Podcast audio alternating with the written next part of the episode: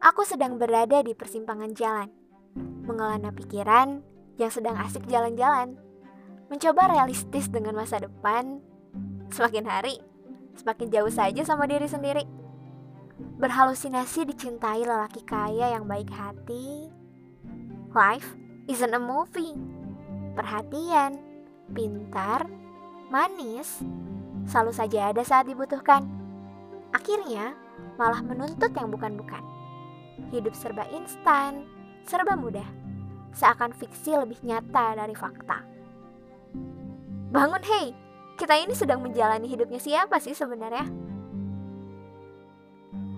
Asal cantik, asal tampan, setengah masalah hidup selesai sudah. Jadilah berlomba memperbagus wujud rupa. Lupa kalau dunia tengah mencandai kita. Beberapa tahun lagi, tanggung jawab umat dan negeri akan jatuh kepada para pemuda yang saat ini senang menonton kisah orang lain, memainkan permainan orang lain, mengkonsumsi buatan orang lain, membaca kisah-kisah orang lain, menikmati keringat orang lain. Mending kalau jadi pelajaran, lah kalau jadi korban, maka jangan salahkan jika sampai saatnya tiba, malah diambil alih orang lain. Kasihan ya, orang tua kita hanya membesarkan harimau untuk menerkam dirinya sendiri. Karena hidup adalah soal meraih cita-cita, maka pilihannya cuma ada dua, mewujudkan cita kita atau menjadi budak dalam pemenuhan cita-cita orang lain. Mending kalau sejalan, lah kalau enggak, mau gimana coba? Di persimpangan jalan ini, aku bertemu kenyataan bahwa hakikat hijrah adalah meninggalkan. Seperti halnya menuju utara, maka harus meninggalkan selatan. Tidak akan sampai jika tidak ada yang dikorbankan. Tidak akan sampai jika tidak ada pergerakan. Kalau di ujung waktu manusia akan dikumpulkan dengan yang dicintai dan saling berbantah-bantahan dengan kawan-kawannya, apakah mereka akan bersedia mempertanggungjawabkan? Sementara di rumah Fana, aku sudah toh-tohan memperjuangkan. Beli ini itu sebagai pajangan, nonton ratusan episode berkepanjangan, melihat konsernya sampai menghabiskan tabungan, lirik lagunya bahkan lebih hatam dibandingkan bacaan Al-Quran.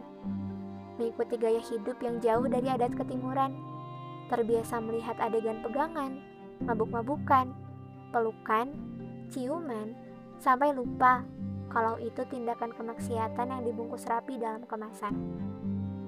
Teringat pesan teladan bahwa umatnya nanti akan mengikuti jejak umat terdahulu, sejengkal demi sejengkal, sehasta demi sehasta, bahkan jika masuk lubang biawak sekalipun, mereka akan ikut-ikutan, terperosok pelan-pelan yang menyenangkan, tenggelam dalam kubangan, tetapi dirindukan. Sementara teladan bilang, yang meniru suatu kaum adalah bagian dari mereka. Perkara umur untuk apa dihabiskan, perkara muda untuk apa digunakan, perkara harta dari mana didapatkan, perkara ilmu bagaimana diimplementasikan. Ibnu Qayyim al-Jauziyah pernah bilang gini, menyia-nyiakan waktu lebih berbahaya daripada kematian. Karena menyia-nyiakan waktu memutuskanmu dari Allah Ta'ala dan hari kiamat, sedangkan kematian hanya memutuskanmu dari dunia dan isinya. Bukankah lebih baik kehilangan sesuatu karena Allah daripada kehilangan Allah karena sesuatu? Cermat ya kawan, ambil positif negatifnya, dan jangan terlena sama zona nyaman. Menyedihkan kan kalau sampai menyesal belakangan?